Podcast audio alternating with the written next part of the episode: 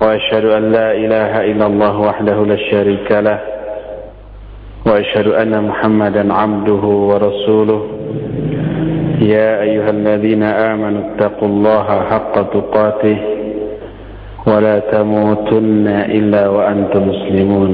وبعد فإن أصدق الحديث كتاب الله وخير الهدي هدي محمد صلى الله عليه وآله وسلم وشر الأمور محدثاتها وكل محدثة بدعة وكل بدعة ضلالة وكل ضلالة في النار Ikhwati fillah Baik ikhwan, akhwat Yang ada di Masjid Al-Furqan Bandung Ataupun para pendengar Radio Roja di mana saja Anda berada. Alhamdulillah kita berjumpa kembali Untuk melanjutkan kajian tentang surga. Kita sudah membahas tentang beberapa orang yang menurut Al-Quran dikatakan sebagai ahli surga. Di antaranya orang-orang beriman dan beramal soleh. Orang-orang yang ikhlas orang-orang yang sabar dan tawakal orang-orang yang istiqamah dan beberapa sifat-sifat lain yang dijelaskan di dalam Al-Quran tentang para penghuni surga.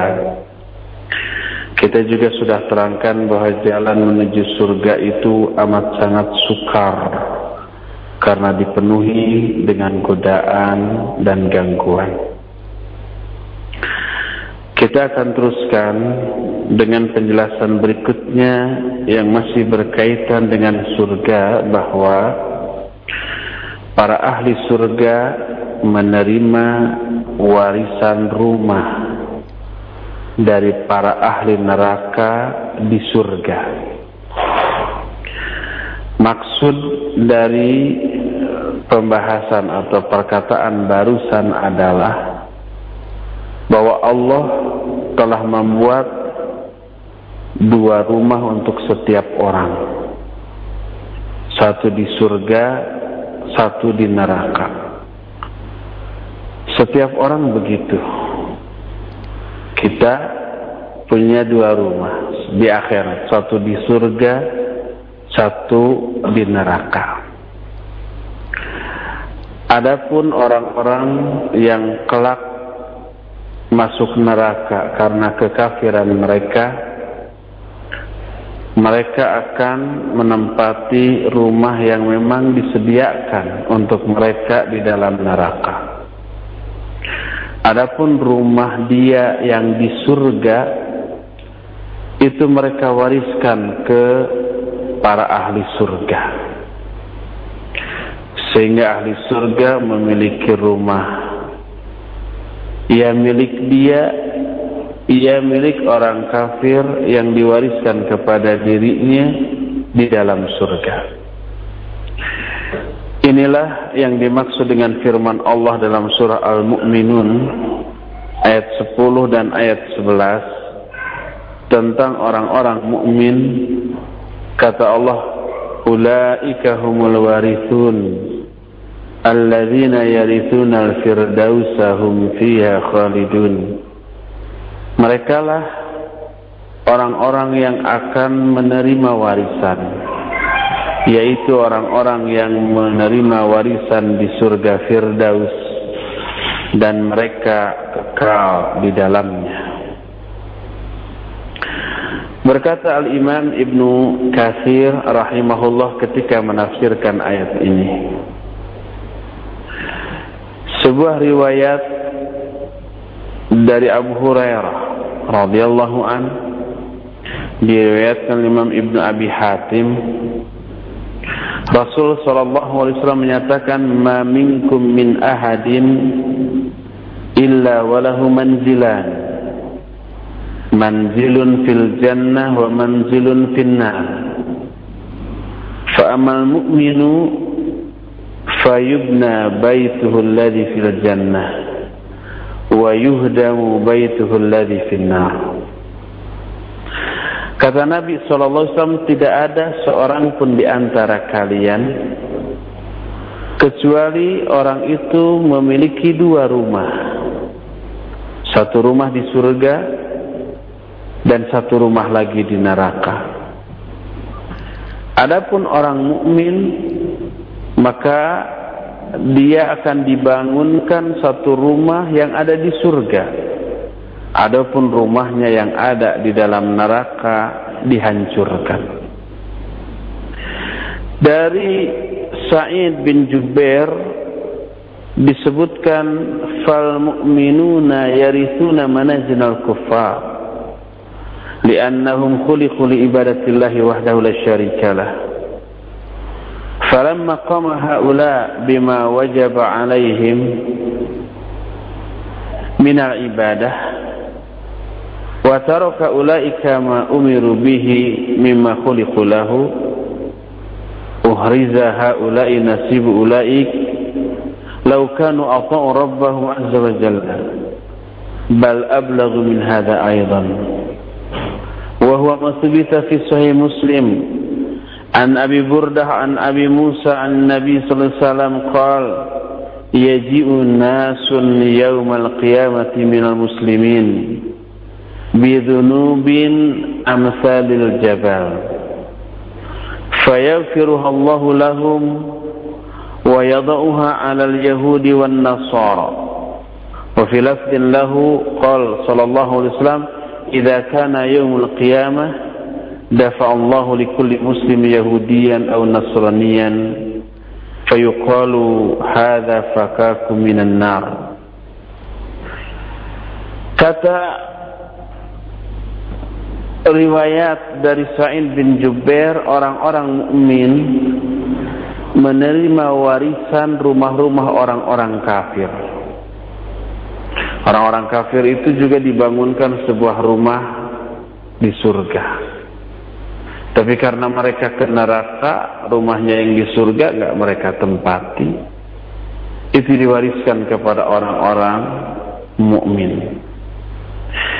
Jadi rumah-rumah mereka diwariskan kepada orang-orang mukmin karena mereka diciptakan untuk beribadah hanya kepada Allah dan tidak menserikatkannya.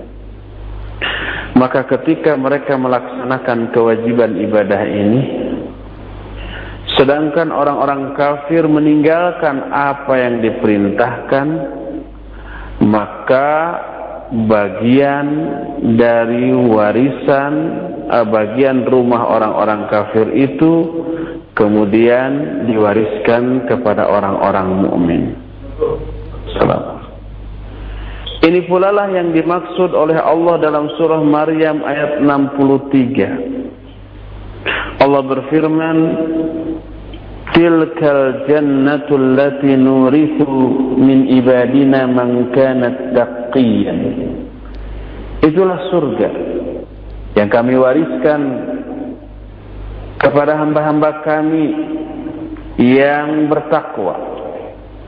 Juga dalam surah Az-Zukhruf ayat 72 wa tilkal jannatul lati awrastumuha bima kuntum ta'malun Itulah surga yang kalian warisi akibat atau karena apa-apa yang telah kalian amalkan dahulu. Walhasil di surga orang-orang mukmin menerima warisan rumah dari orang-orang kafir karena orang-orang kafir tidak bisa menempatinya karena mereka menempati rumah mereka yang ada di dalam neraka. Di surga penghuni terbanyak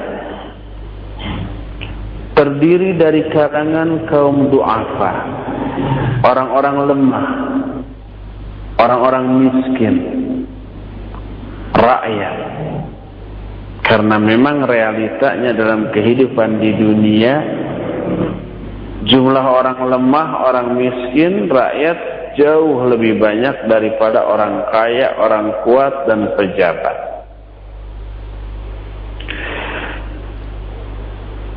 Tapi sekalipun mereka lemah dan miskin, mereka memiliki nilai yang agung di sisi Allah Subhanahu wa taala. Di dalam hadis yang diriwayatkan oleh Imam Bukhari dan Imam Muslim dari Harithah bin Wahab radhiyallahu an. Rasul sallallahu alaihi wasallam bersabda, "Ala ukhbirukum bi ahli jannah?" Qalu bala. Qal kullu dha'ifun mutadha'ifun law aqsama Allah ala Allah la abarrahu. Mau enggak aku kabarkan kepada kalian tentang para ahli surga? Para sahabat menjawab, "Iya, mau wahai Rasulullah." Lalu beliau menjawab, para ahli surga itu kullu dha'ifin mutadhaif. Semua yang lemah dan dianggap lemah. Lau aqsamu 'ala Allah la abarrahu. Seandainya mereka bersumpah atas nama Allah, sumpahnya itu akan kejadian. Berkata Imam An-Nawawi rahimahullah ketika menjelaskan hadis ini, wa ma'nahu yastad'ifuhu an-nas wa yahtaqirunahu wa yatajabbaruna 'alayhi li dha'fi halihi fid dunya wal muradu anna aglaba ahli jannah haula wa laysa al muradu al isti'an Makna hadis ini ahli surga yang dimaksud dalam hadis tadi adalah orang yang dianggap lemah oleh manusia diremehkan dan didominasi rata-rata Waalaikumsalam. Orang lemah, orang miskin kan dikuasai oleh orang-orang kaya. Hidupnya itu ada di ujung telunjuk orang kaya. Kata orang kaya, tuh kerjakan sambil menunjuk dengan telunjuknya. Dikerjakan. Tuh kamu pergi ke sana, pergi ke sana. Dikuasai. Karena apa lidha fi halihi fi dunia karena kelemahan keadaan dia di dunia, lemah ekonominya, lemah status sosialnya, pangkatnya. Nah, itu kebanyakan ahli surga itu dari kalangan mereka. Maksudnya aglabu ahli jannah. Kebanyakan ahli surga bukan seluruhnya. Ahli surga seluruhnya lemah yang yang kuat nggak ada yang ke surga enggak bukan. Yang kuat ada asal kekuatannya dipakai untuk kebenaran. Dalam hadis lain Sahih Bukhari Muslim dan juga Musnad Imam Ahmad dari Usama bin Zaid radhiyallahu anhuma Rasul alaihi salatu wasallam bersabda Qumtu ala babil jannah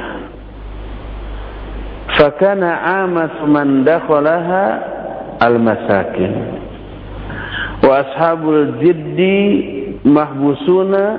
ghaira anna ashaban nar qad umira bihim ila nar wa qumtu ala babin nar fa idza amatu man dakhalaha an-nisa Kata Rasul SAW, aku berdiri di atas pintu surga. Ternyata kebanyakan orang yang memasukinya adalah orang-orang miskin.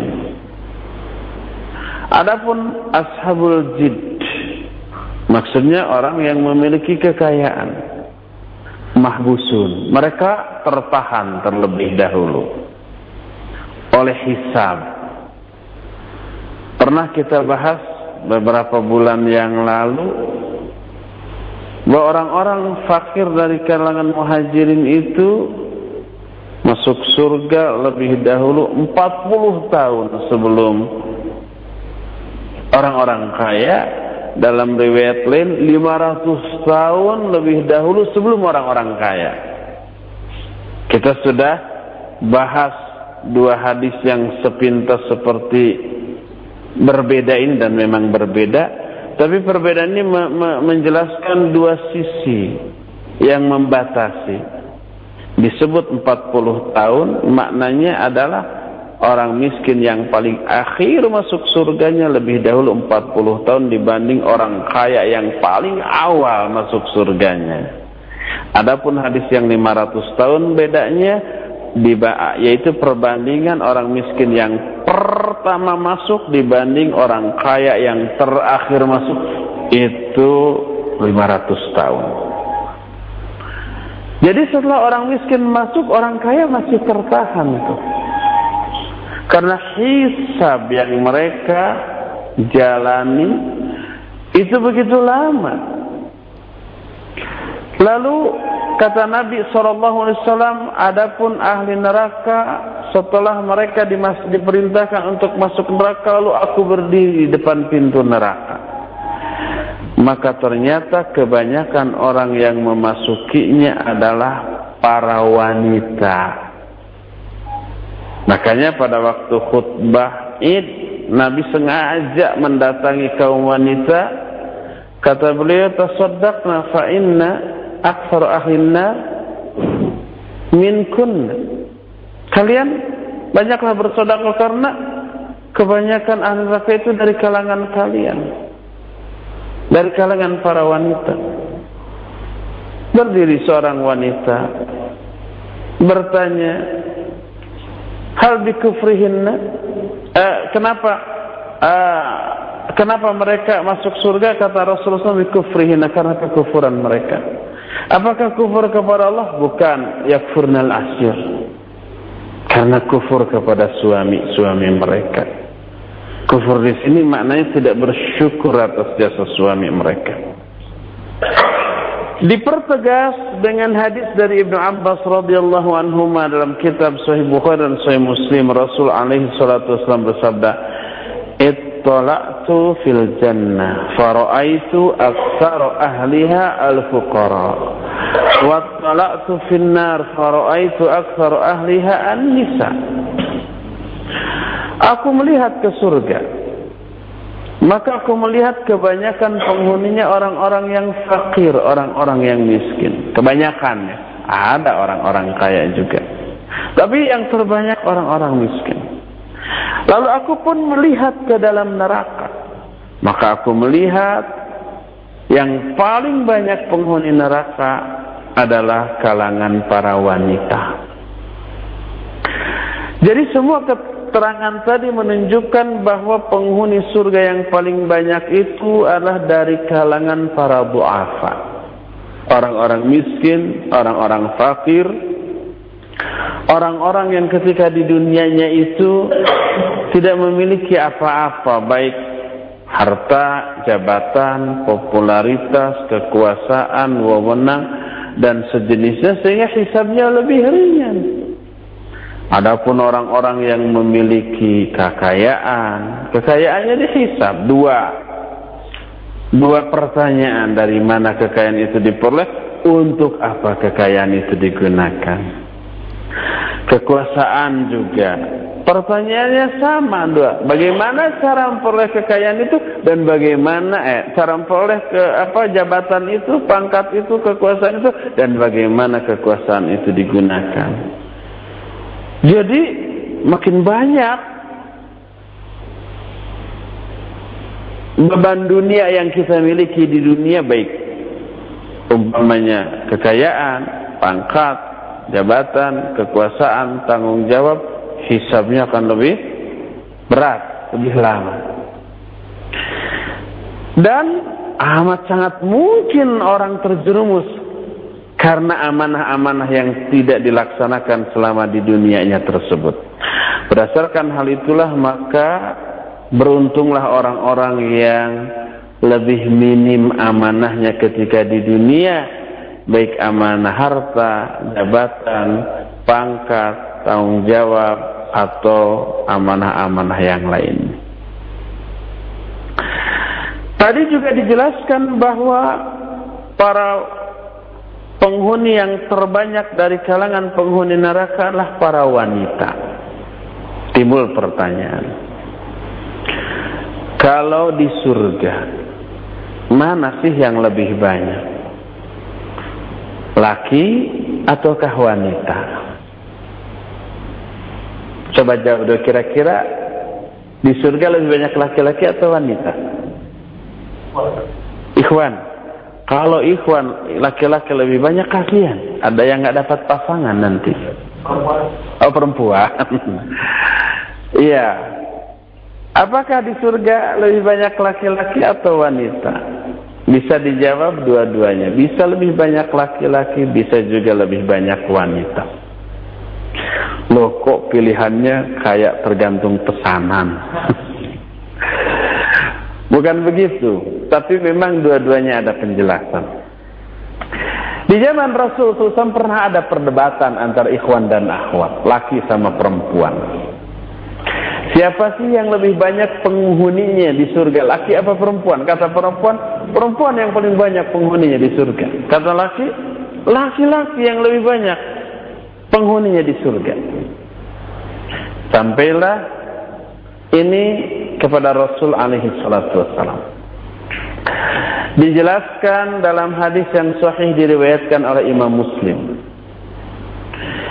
dari Ibnu Sirin. Ikhtasama ar-rijal wan nisa ayyuhum aktsaru fil jannah. Wa fi riwayatin imma tafakharu wa imma tadhakaru.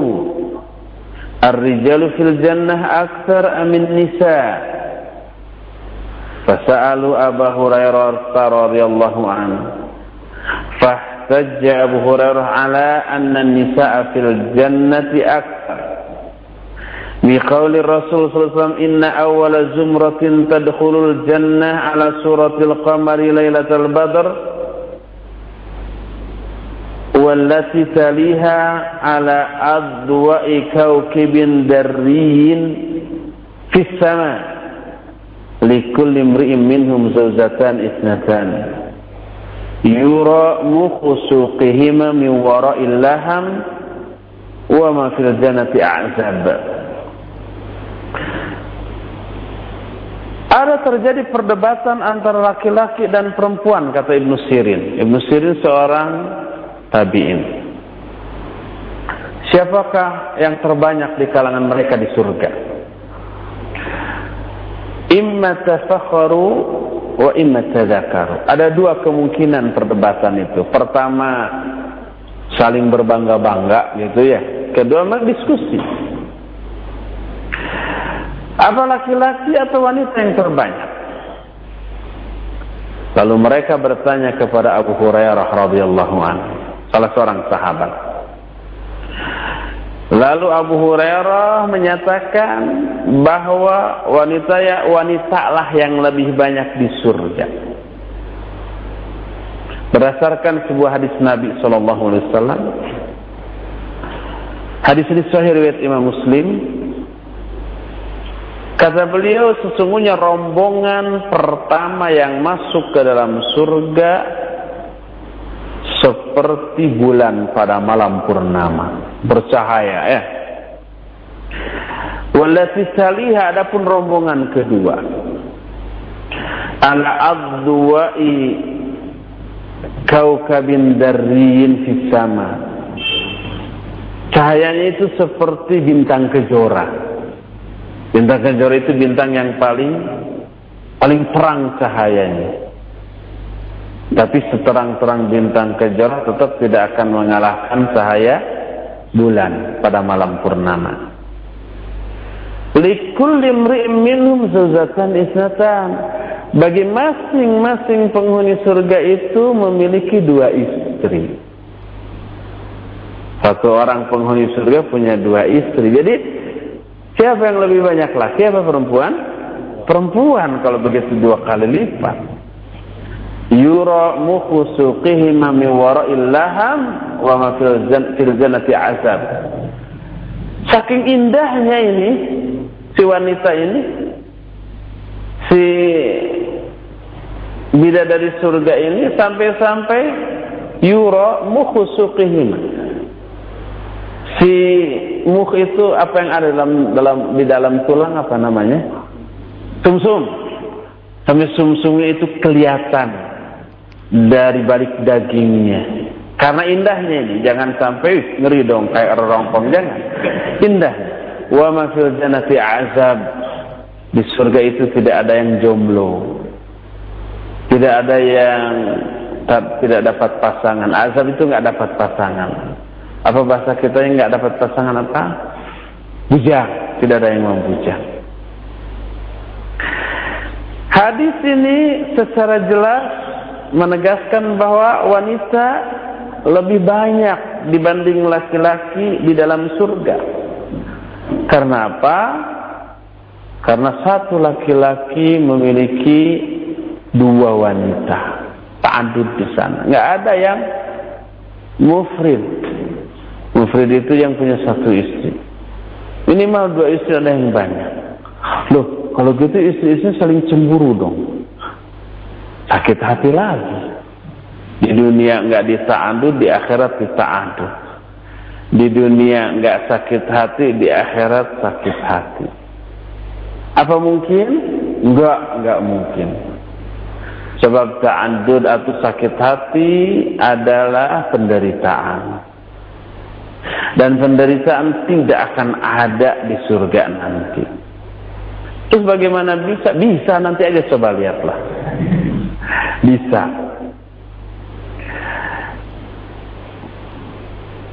Adapun hadis yang menyatakan ra'aitu kunna aktsaru ahli nar, aku melihat kebanyakan dari kalian hai para wanita menjadi ahli neraka. Hadis ini tidak bertentangan dengan hadis yang tadi. Makanya para ulama memadukan seperti Al-Imam Ibnu Hajar Al-Asqalani rahimahullahu taala bahwa wanita merupakan penghuni neraka yang paling banyak. Tidak berarti bahwa di surga para wanita paling sedikit tidak.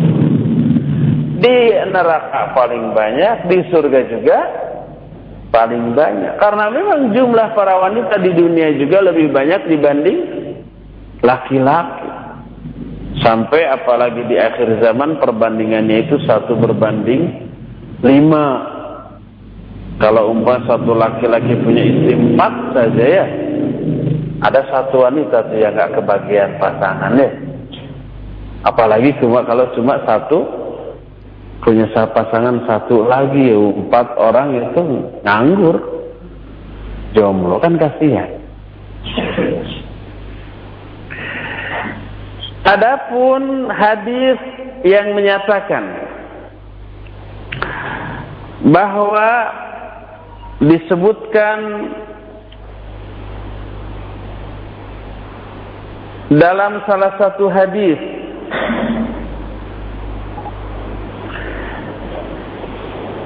yang menyatakan bahwa para wanita di dalam surga hanya sedikit sebagaimana hadis riwayat Imam Ahmad dan Abu Ya'la dari Amr bin As. Kata Amr bin As, "Bainama nahnu ma'a Rasulillah sallallahu alaihi wa alihi wasallam fi hadha asy-syam, id qala, "Unzuru hal tarawna syai'an?" Faqulna, نرى غربانا فيها غراب أعصم.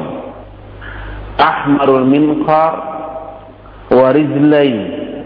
فقال رسول صلى الله عليه وسلم لا يدخل الجنة من النساء إلا من كان منهن مثل هذا الغراب في الغربان. Kata Amr bin As ketika kami bersama-sama Rasul Sallallahu Alaihi Wasallam di tempat ini nih, tiba-tiba beliau berkata, perhatikan apakah kalian melihat sesuatu kami ber, menjawab, kami melihat para burung gagak.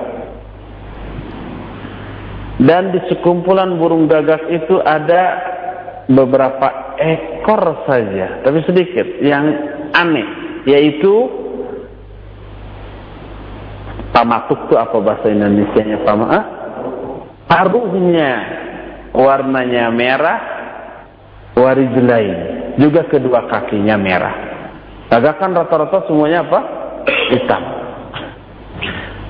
Tapi ada satu dua yang begitu jarang. Sedikit. Kata Nabi SAW, tidak akan masuk surga dari kalangan para wanita, kecuali amat sangat sedikit seperti sedikitnya burung gagak yang paruh dan kedua kakinya merah tadi. Hadis ini sahih sanadnya oleh karena itu Syekh Al-Albani rahimahullah memasukkan hadis ini dalam silsilah al-hadis as-sahihah dan hadis ini menunjukkan bahwa para wanita yang masuk surga itu akan sedikit, hanya sedikit.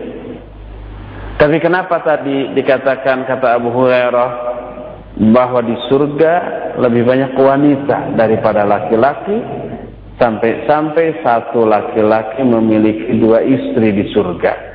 Tapi kenapa hadis yang barusan yang juga sahih menyatakan tidak ada yang masuk surga di kalangan para wanita kecuali hanya sedikit. Sepintas dua keterangan ini bertentangan. Dijawab oleh para ulama. Ada dua jawaban. Jawaban pertama yang dimaksud sedikitnya wanita yang masuk surga adalah wanita-wanita yang pernah hidup di dunia. Itu sedikit yang masuk surga. Adapun wanita-wanita surga yang menjadi istri bagi para penghuni surga dari kalangan laki-laki dan satu laki-laki punya dua istri, maka dua istri itu bukanlah istri yang pernah hidup di dunia. Tapi itulah yang disebut dengan hurul in atau bidadari surga yang memang setiap muslim sudah disiapkan istrinya di akhirat nanti dan sejak sekarang memantau sehingga apabila si suami di dunia disakiti oleh istrinya di dunia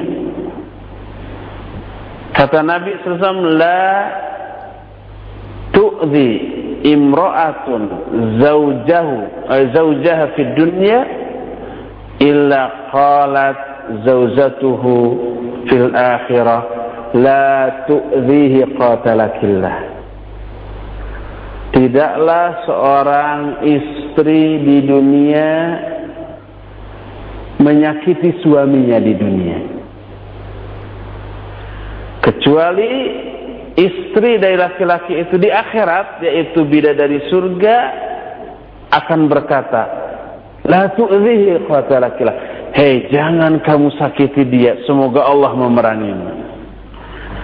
Sebentar lagi dia berpisah darimu dan akan menghampiri aku. Itu bidadari surga yang akan menjadi istri bagi laki-laki mukmin yang di dunianya disakiti oleh istrinya di dunia tuh.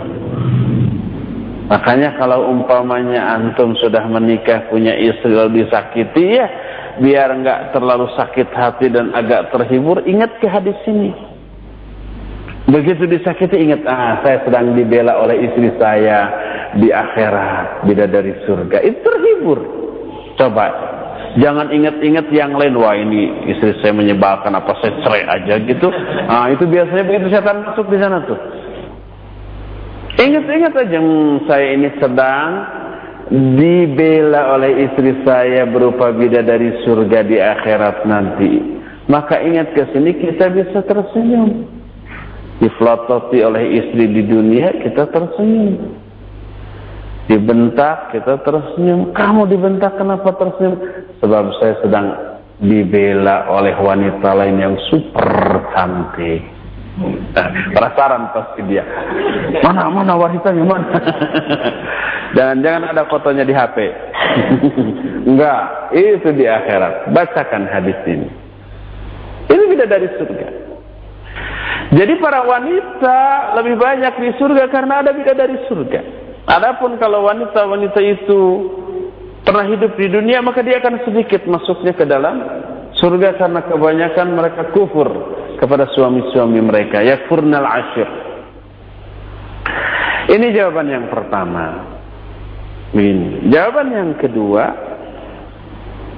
disebutkan oleh Imam Al-Qurtubi rahimahullah bi anna nisa yakun akthar ahli an-nar qabla asy-syafa'ati wa khuruji usatil muwahhidin minan nar فإذا خرجوا منها بشفاعة الشافعين ورحمة أرحم الراحمين كنا أكثر أهل الجنة Kata Imam Al-Qurtubi, para wanita dianggap paling banyak masuk ke dalam neraka. Pertama itu terjadi sebelum mereka memperoleh syafaat yang kemudian mengeluarkan mereka dari neraka. Tapi setelah mereka memperoleh syafaat keluar dari neraka atau dikeluarkan dari neraka karena sudah habis dosanya oleh siksanya atau karena rahmat dari Allah Subhanahu wa taala lalu wanita-wanita mukminah ini semuanya pada keluar dari neraka masuk ke dalam surga maka jadilah para wanita tersebut menjadi penghuni terbesar dan terbanyak di dalam surga.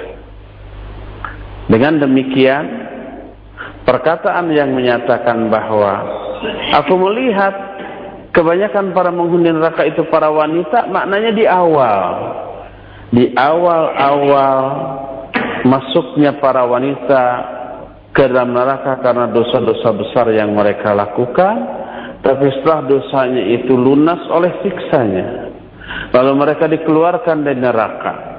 Baik dikeluarkan karena sudah lunas oleh siksanya atau karena syafaat atau karena rahmat Allah atau karena hal-hal yang lainnya lalu mereka keluar dari neraka dan masuk ke dalam surga jadilah mereka menjadi orang-orang yang terbanyak di kalangan penghuni surga inilah penjelasan para ulama tentang beberapa hadis tentang hal tadi tentang siapa yang lebih banyak di surga laki ataukah perempuan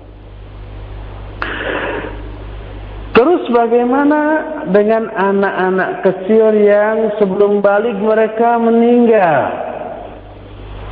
Apakah mereka ke surga, apakah ke neraka? Atau tidak ke surga, tidak ke neraka? Bagaimana juga dengan anak-anak orang-orang kafir? Tentang masalah ini ada dua pembahasan terpisah. Pembahasan pertama kita akan mulai dari atfalul mukminin, yaitu anak-anak yang orang tuanya mukmin. Anak-anak orang-orang mukmin yang belum balik dan meninggal dalam keadaan belum balik tersebut, mereka masuk ke dalam surga karena rahmat dan karunia Allah. Berdasarkan nas Al-Quran dan hadis-hadis yang sahih tentang hal itu. Di antara ayat yang menyatakan itu pertama surah Tur ayat 21 Allah berfirman Walladzina amanu wattaba'athum dzurriyyatuhum biiman alhaqna bihim dzurriyyatahum wama alatnahum min amalihim min syai' kullu mri'in bima kasaba Dan orang-orang yang beriman Lalu mereka diikuti oleh anak-anak turun, turunan mereka dalam keimanan. Al-haqna bihim dzurriyyatum. Kami ikutkan kepada mereka anak-anak turunan mereka itu. Jadi diikutkan. Kalau orang tuanya ke surga, ke surga juga anak-anak. Dalam surah Muddassir 38 Allah menyatakan kullu nafsin bima kasabarahin setiap jiwa itu masih tertahan apa harus mempertanggungjawabkan terhadap semua usaha atau amal yang dilakukannya. Adapun anak-anak karena belum ditaklif mereka tidak dimintai pertanggungjawabannya. Makanya mereka ada di dalam surga. Oleh karena itu Imam Bukhari dalam kitab sahihnya menetapkan judul bab tentang masalah ini dengan judul bab Fadlu man mata lahu waladun fahtasaba. Bab keutamaan orang yang memiliki anak lalu anaknya itu mati lalu dia ihtisab atau sabar. Di dalam bab ini beliau mengutip beberapa hadis tentang masalah ini. Pertama, hadis diterima dari anak. Nabi alaihi salatu wasallam bersabda, "Ma minan nasi muslim yatawaffa lahu thalathun lam yablughul hana illa adkhalahu Allahul jannah bi fadli bi fadlin wa rahmatihi iyyahu." Tidak ada seorang manusia muslim pun yang ditinggal mati oleh tiga anaknya yang belum balik kecuali Allah akan memasukkan orang itu ke dalam surga karena karunia dan rahmat Allah kepada mereka. Jadi kalau orang tua punya tiga anak, tiga-tiganya meninggal sebelum balik, orang tua itu ke surga. Hadis dari Abu Sa'id Al-Hudri para wanita berkata kepada Nabi sallallahu alaihi wasallam lana yauman coba tetapkan untuk kami satu hari. Engkau berceramah kepada kami pada hari itu. Dia disepakati oleh Nabi wasallam dan pada hari ditentukan beliau datang salah satu isi ceramahnya beliau menyatakan ayyuma imra'atin matat laha salasatu minal walad kanu laha hijaban minan nar. Kata Nabi SAW wanita mana saja yang ditinggal mati oleh tiga orang anaknya maka mereka akan menjadi hijab atau penghalang bagi ibu tersebut dari api neraka. Tiga orang Berkatalah seorang ibu, bagaimana kalau dua orang wahai Rasulullah? Kata Nabi SAW, ya dua orang juga. Hadis dari Abu Hurairah radhiyallahu an juga menyatakan yang sama. Ketika Ibrahim putra Rasul SAW meninggal ketika kecil dan peristiwa meninggalnya beliau bersamaan dengan sebuah kejadian fenomena alam yang dahsyat yaitu apa? Gerhana. Meninggal. Disebutkan dari Al-Barra bin Azib radhiyallahu an Lama tufiya Ibrahim qala Rasulullah inna lahu muradian fil jannah. Ketika Ibrahim meninggal, Nabi SAW bersabda, sesungguhnya Ibrahim akan ada yang menyusuinya di surga. Dan banyak lagi hadis yang semakna dengan itu bahwa kalau ada seorang ibu ditinggal mati oleh anaknya yang belum balik, ibu itu ke surga. Ibu itu tidak akan tersentuh oleh api neraka. Anaknya itu yang meninggal menjadi hijab apa makna dari hadis-hadis itu? Berkata Al-Imam Ibnu Hajar Al-Asqalani rahimahullah wa wajbu dilalah fil ahadith allati saqahu al-Bukhari ala anna atfal al-mu'minina fil jannah bahwa hadis-hadis yang dikutip oleh Imam Bukhari dalam kitab sahihnya tadi itu menunjukkan bahwa anak-anak orang-orang mukmin itu ada di surga karena kata Imam Ibn Hajar, "May yakunu sababan fi hajbin nar an abawaihi aula bi ayyuh jabahwa li'annahu aslu rahmah wa, wa sababuha." Karena kata Imam Ibnu Hajar, siapa yang menjadi penyebab terhalangnya kedua orang tuanya dari neraka, maka si penyebab itu tentu saja juga akan terhalang juga dari api neraka. Tidak akan ke neraka. Alias akan ke surga. Ditambah dengan hadis yang marfu dari Abdullah uh, diriwayatkan oleh Abdullah bin Ahmad dalam Ziyadatul Musnad. Musnad Imam Ahmad maksudnya. Sebuah hadis inna al-muslimina wa auladahum fil jannah. Sungguhnya orang-orang muslim dan anak-anak mereka ada di dalam surga.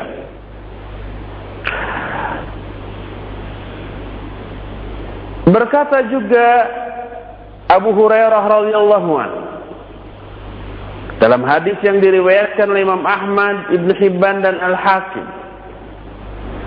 Kata Abu Hurairah bahwa Nabi SAW bersabda, Zararil muslimin fil jannah takfaluhum Ibrahim. Turunan-turunan kaum muslimin berada di surga. Mereka diasuh oleh Ibrahim. Takafalahum Ibrahim. Diasuh oleh Ibrahim.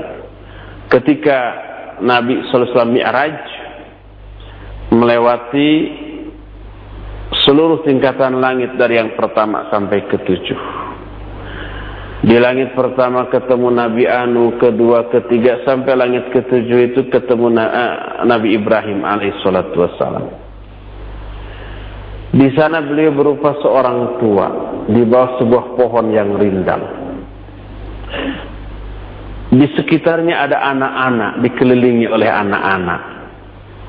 Kata malaikat Jibril itu adalah Ibrahim dan anak-anak yang mengelilingi adalah anak-anak kaum muslimin. Maksudnya anak-anak kaum muslimin yang meninggal sebelum mereka akil balik.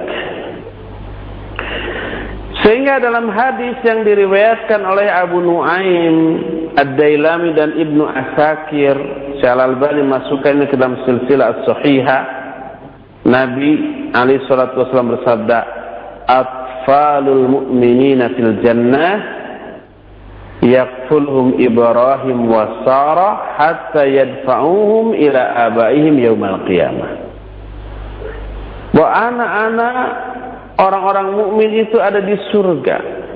Mereka diasuh oleh Ibrahim dan Sarah sampai mereka dikembalikan ke orang tua orang tua mereka pada hari kiamat nanti.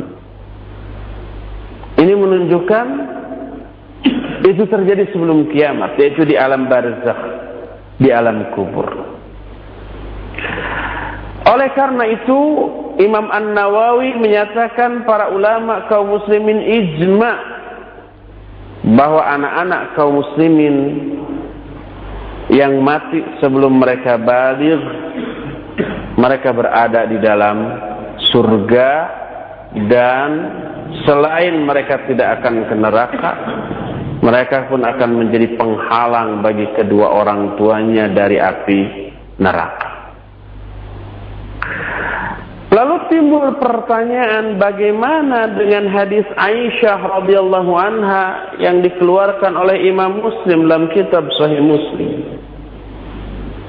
Disebutkan tufiya sabiyun min al-ansar faqultu tuba lahu lam ya'mal su'an wa lam yudrikhu.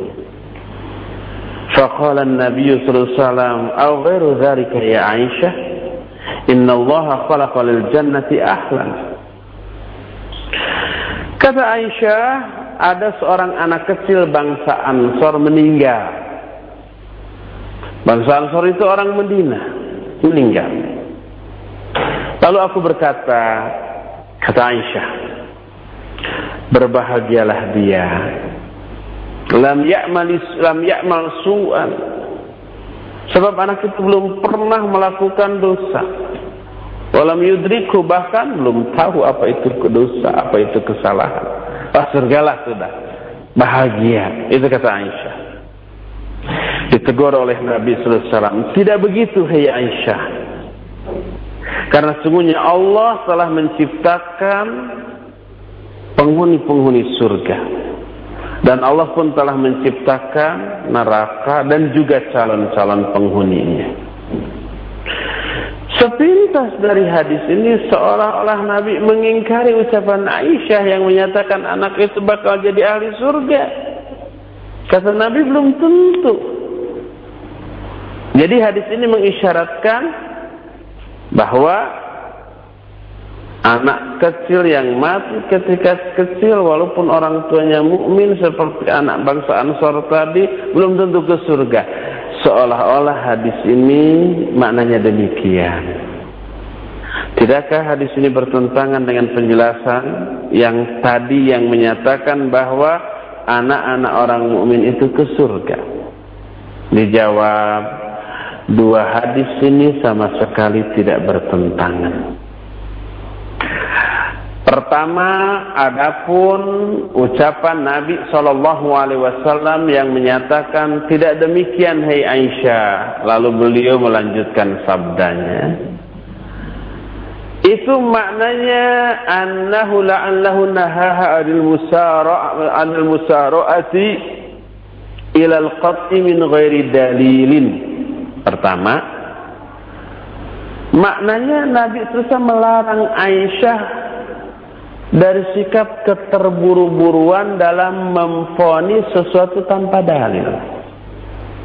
Aisyah kan belum mendengar penjelasan tentang hal itu dari Nabi. Dia berbicara atas dasar ro'yunya dan alasannya dikemukakan. Anak ini bahagia karena dia belum melakukan dosa dan bahkan belum tahu apa itu dosa berdasarkan akalnya. Tanpa dalil. Ini yang diingkari oleh Nabi SAW.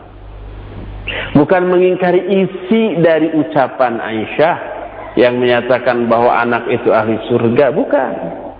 Tapi mengingkari sikap Aisyah yang berbicara sesuatu tanpa dalil. Ini yang pertama. Kemungkinan yang kedua, atau qala dzalika qabla ay ya'lama anna athal al-muslimina fil jannah Kemungkinan kedua bahwa Nabi Shallallahu Alaihi Wasallam berkata demikian sebelum beliau mengetahui dari Allah bahwa anak-anak orang mukmin itu masuk surga. Jadi kejadian ini sebelum Nabi diberitahu oleh Allah bahwa memang anak-anak orang-orang mukmin itu masuk surga. Dan kasus seperti ini sering terjadi. Ketika orang Yahudi menyatakan kalian akan difitnah di kubur-kubur kalian. Kata Nabi, Yahudilah yang akan difitnah di alam kuburnya. Itu sebelum Nabi tahu. Tapi beberapa waktu kemudian Nabi diberitahu bahwa kaum muslimin juga memang ada yang akan difitnah dan diadab di alam kubur. Lalu Nabi menyuruh Aisyah dan para sahabat untuk berlindung dari fitnah kubur dari azab kubur dan Nabi sallallahu alaihi wasallam pun menyatakan demikian. Berkata Imam Ibn Hajar al-Asqalani la'alla sawab anna al-haditha yushiru ila annahu la yajuzu an najzima liha liwahidin bi'ainihi annahu min ahlil jannah wa in kunna nashadu lahu Mungkin yang benar hadis ini mengisyaratkan bahwa kita tidak boleh memfonis, memastikan seseorang person bahwa di ahli surga. Walaupun ada keterangan yang mutlak, yang umum bahwa orang yang seperti itu ahli surga. Contoh, anak kecil Siapa yang mati ketika kecil menurut hadis dia ke surga. Tapi kita tidak boleh memastikan ada si ujang namanya mati ketika kecil, oh dia pasti di surga. Itu nggak boleh ke person Tapi secara umum boleh. Atau hadis menyatakan siapa orang yang mati tenggelam dia syahid. Siapa yang mati kena penyakit taun dia syahid. Siapa yang mati karena sakit perut dia syahid. Siapa yang mati karena penyakit, kena penyakit paru-paru, syahid. Kanker, syahid. Ter, mati karena tertimpa reruntuhan, juga syahid. Itu hadis-hadis susah. Sampai ada Syalal Bain dalam kitab Ahkamul Janaiz ketika membahas bab alamatu husnul khatimah, tanda-tanda husnul khatimah itu ada 18 poin disebutkan di sana Hadis-hadis sahih. Itu hadis secara mutlak umum. Tapi kita tidak boleh menentukan kepada person umpah ada orang namanya Aden bin Incep mati kebakar. Lalu kita katakan si Aden bin Incep ini syahid. Karena itu sudah fonis terhadap person. Walaupun memang ada hadis yang umum menyatakan seperti itu. Demikian juga anak kecil yang mati ketika kecil dia di surga. Itu umum, tapi kita tidak boleh terapkan ke person. Walhasil berkata Syekhul Islam la yushhadu li kulli muayyanin min atfalil mu'minin bi anna bi annahu fil jannah wa in syahida lahu mutlaqa. Tidak boleh disaksikan bagi setiap orang secara personal dari anak-anak kaum muslimin bahwa dia ini di surga sekalipun dia harus menyaksikan secara mutlak memberikan kesaksian secara mutlak bahwa siapa yang mati dalam keadaan anak-anak dan belum balik dia di surga. Itu dibolehkan tapi ditujukan kepada person maka itu tidak boleh. Inilah jawaban para ulama tentang masalah ini. Inilah pertama bagian pertama pembicaraan tentang anak-anak yaitu anak-anak orang-orang muslim. Mereka berdasarkan penjelasan yang lebih kuat insya Allah berada di surga dan berada di dalam pengasuhan Ibrahim alaihissalatu wassalam dan Sarah berdasarkan hadis-hadis yang dijelaskan tadi dan ini lebih dari cukup menjadi penghibur bagi siapa saja orang tua yang kehilangan anaknya di saat anaknya lagi lucu-lucunya lalu meninggal. Ingatlah kepada hadis ini. Pertama si anak itu bahagia karena ada dalam pengasuhan Ibrahim dan Sarah. Dia tidak menderita di sana. Kedua anak itu akan menjadi hijab bagi kita dari api neraka. Untungkah atau rugikah? Untung. Membahagiakankah atau menyedihkankah? membahagiakan. Ingat ke ini insya Allah kita tidak akan terlalu stres, sedih, depresi, putus asa ketika ditinggal mati oleh anak-anak yang masih lucu-lucunya. Biasanya kita sedih kalau kita mengetahui orang yang kita cintai itu menderita. Anak kita yang kita cintai sakit ada di hadapan mata kita. Kita sedih. Anaknya sih nggak nangis ya. Walaupun demam, dia diem paling nggak mau makan. Kitanya bisa nangis sebagai orang tuanya. Kitanya bisa lebih menderita daripada anaknya yang sakit, yang menderita ya. Anak kita jauh di luar kota, lagi sekolah, lagi pesantren atau lagi apa, telepon. Ngabarin, saya sakit, demam, mual, muntah-muntah, kepala serasa lepas, telinga secara terbang, oh gitu menderita. Kita tahu anak kita menderita. Gimana perasaan kita? Kita sedih. Kita bisa nangis, walaupun anaknya nggak nangis. Orang tuanya bisa nangis. Tapi ketika kita lihat anak kita di hadapan kita ceria, ketawa ketiwi, berjingkrak-jingkrak, kelihatan bahagia. Bagaimana perasaan kita? Kita juga bahagia dan senang. Anak kita jauh di luar kota, sekolah atau pesantren telepon sambil ketawa-ketawa, abi umi, wah saya senang betah di sini, uh, pokoknya happy lah. Kedengaran suara bahagia di sana. Bagaimana perasaan kita? Ikut senang dan ikut bahagia. Ini masih satu alam di dunia. Bagaimana kalau alamnya lain di akhirat? Anak kita meninggal, tapi dia bahagia di sana. Patutkah kita bersedih? bolehlah bersedih nangis tapi jangan keterlaluan ya itulah anak-anak orang-orang mukmin nasibnya di akhirat lalu bagaimana dengan anak-anak orang-orang kafir orang-orang musyrik tapi mereka meninggal sebelum balik? Masalah ini akan kita bahas Jumat yang akan datang. Sekarang sudah habis waktunya tuh. Sebentar lagi maghrib penjelasan dari saya cukup sampai di sini dan sisa waktu yang ada kita sekarang akan gunakan untuk tanya jawab. Prioritas saya berikan kepada para pendengar Radio Rojaya saya persilakan akhi Fawas untuk memandunya. Alhamdulillah. Ya, jazakallah khairan Ustaz atas uh, pembahasan materi yang sangat bermanfaat di sore hari ini. Selanjutnya khotal Islam kami berikan kesempatan untuk Anda yang akan bertanya di 0218236543 atau melalui pesan singkat di 0819896543. Tapi Ustaz kami angkat pertanyaan yang datang dari pesan singkat dari seorang pendengar kita.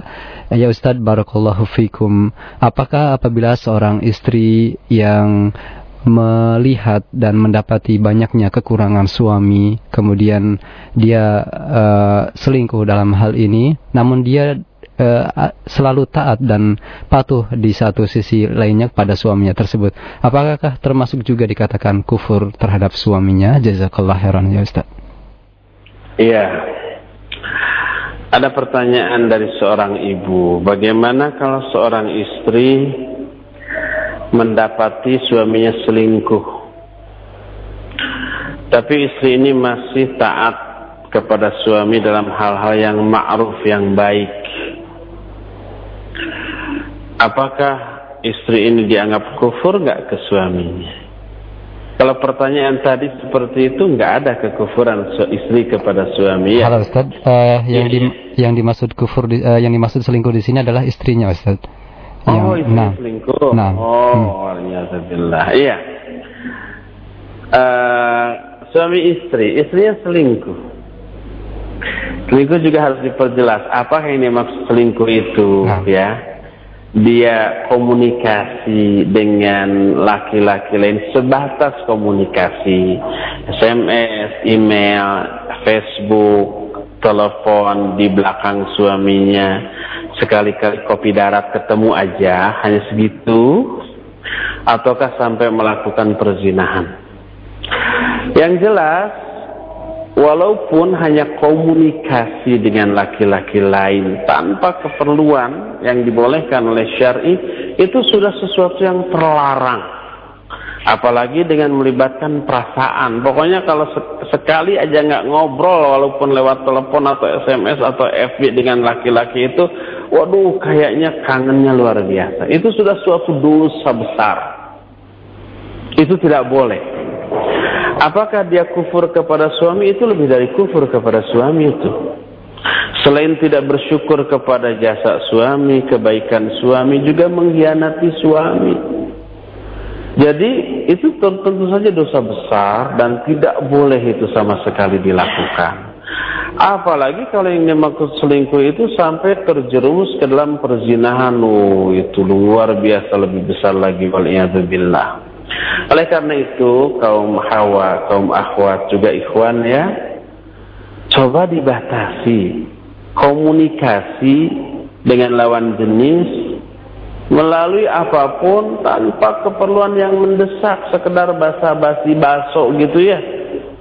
Sekedar umpam SMS wahai akhi lagi apa nih ingat nggak ke saya? Umpamanya. Itu nggak ada keperluan itu membuka pintu fitnah atau di FB-FB gitu ya walaupun yang ditampilkan pada wall atau pada dinding yang terbuka itu yang umum-umum tapi yang tersembunyi yang privatnya yang privasinya yang japrinya. Mungkin ada hal-hal yang spesial. Makanya saya tidak menganjurkan ikhwan ahwat itu terlalu aktif di dunia FB main Facebook Facebookan. Kecuali kalau itu mau dijadikan sebagai media dakwah. Masukan ayat, masukan hadis, ucapan sahabat, ucapan ulama dan seterusnya. Bagus. Tapi kalau untuk alat komunikasi pribadi jangan. Hindarkan, hindarkan, hindarkan. Nanti awalnya begitu lama-lama itu, awalnya komunikasi lewat dunia maya, lalu lewat HP. Lama-lama bertemu di daratan. Kalau sudah bertemu di daratan, uh, itu berbahaya sekali. Jadi saya nasihatkan kepada penanya tadi, hentikan komunikasi hubungan dengan laki-laki lain selain suaminya. Kalau ada keperluan mendesak urusan yang dibolehkan secara syar'i berkomunikasi dengan laki-laki lain, seizin dan sepengetahuan suaminya. Itu lebih maslahat insyaallah. Wallahu a'lam. Baik, jazakallah khairan atas uh, jawaban Ustaz dan berikut dari Pak Slamet di Gunung Putri, kami persilakan. Halo, silakan Pak. Halo. Taib uh, terputus nampaknya Ustaz. Taib uh, kami angkat uh, kembali pertanyaan yang datang dari penelpon untuk Anda yang akan bertanya secara langsung di 0218236543 dan sudah ada yang kembali masuk. Halo. Halo, Assalamualaikum. Ya, Waalaikumsalam. Silakan Ibu. Uh, dari Ibu Nining di Jamrut. Silakan. Ini Ustadz mau tanya, uh, bagaimana dengan anak yang meninggal di dalam uh, kandungan sebelum lahir gitu? Misalnya uh, setelah usianya 4 bulan ya. Itu gimana statusnya? Apa di surga juga atau bagaimana? Iya. Baik, Syukran. Assalamualaikum. Waalaikumsalam warahmatullahi Ibu Nining di Zamrud bertanya, bagaimana dengan anak yang meninggal masih dalam kandungan, tapi usia kandungannya sudah empat bulan? Kalau sudah empat bulan ya itu sudah jadi bayi, sudah hidup dan diperlakukan sebagai manusia yang hidup. Kalau umpamanya lahir kemudian meninggal, keguguran gitu ya setelah empat bulan, maka itu nifas. Dan itu adalah uh, diberi nama, dikuburkan. Seperti umumnya kepada anak uh, yang sudah lahir dalam keadaan normal. Oleh karena itu, janin yang meninggal masih dalam kandungan tetapi sudah hidup, sudah ditiupkan ruh, sudah lewat dari empat bulan, ya sama dianggap sebagai bayi yang mati sebelum balik. Wallahu a'lam bishawab. Silakan. Baik Ustaz. Dari pesan singkat dari Ummu Hana di Depok dan satu pertanyaan yang lain yang bertanya hal yang sama Ustaz. Bila orang tuanya tidak soleh, Apakah bisa anak yang wafat uh, sebelum baliknya bisa menjadi hijab bagi uh, uh, bagi orang tuanya di akhirat kelak? Jazakallah khairan. Iya. Ada pertanyaan dari dua orang ibu dan pertanyaan juga banyak diajukan di langsung lewat SMS atau email. Pertanyaannya begini, bagaimana kalau orang tuanya tidak soleh, fasik, ahli maksiat atau mungkin ahli bid'ah gitu ya. Tapi anak-anaknya semua meninggal sebelum balik. Anak-anaknya umpah dua orang, tiga orang, apa lima orang atau sepuluh orang meninggal semuanya ketika balik, eh sebelum balik. Tapi kedua orang tuanya itu tidak anu apa, tidak tidak ahli ibadah, sholat, dilalaikan, kadang-kadang dia melakukan perbuatan syirik, bid'ah dan seterusnya. Apakah ini juga akan menjadi hijab dari api neraka bagi kedua orang tuanya?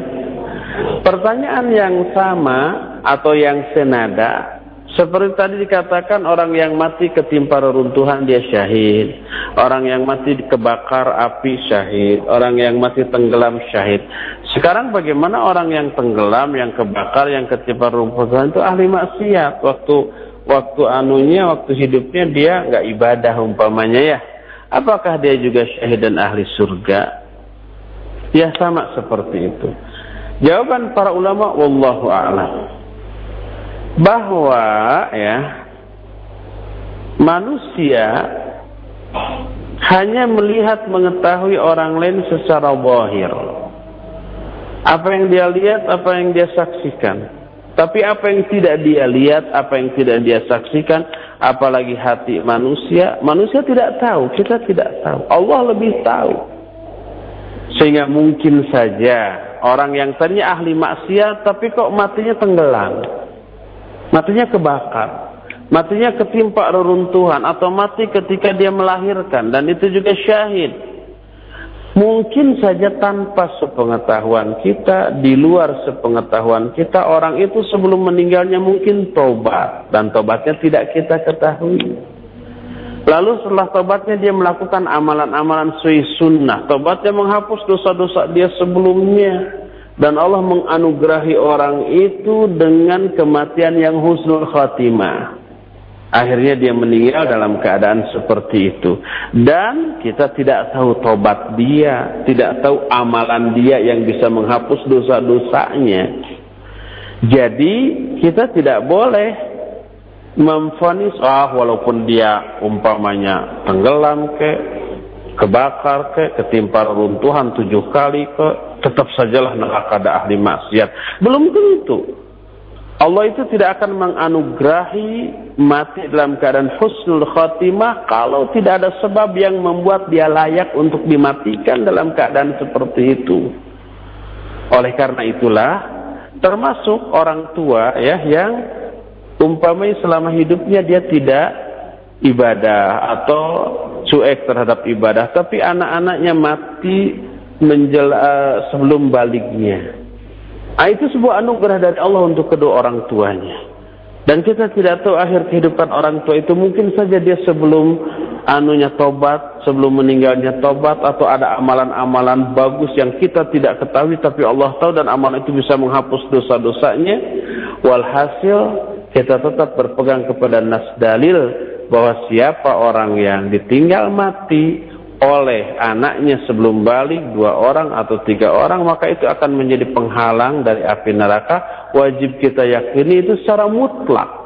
Tetapi kita tidak boleh menerapkan secara person kepada pribadi tertentu oh dia pasti ahli surga karena begini-begini. Nggak boleh. Tadi sudah dikatakan bahwa dalil-dalil yang mutlak tidak boleh kita terapkan secara personal kepada person-person tertentu. Wallahu a'lam bishawab. Cukup sampai di sini insyaallah kita berjumpa kembali sepekan yang akan datang. Subhanakallahum bihamdik asyhadu an la ilaha illa ant astaghfiruka wa atubu ilaik walhamdulillahi rabbil alamin. Wassalamualaikum warahmatullahi wabarakatuh.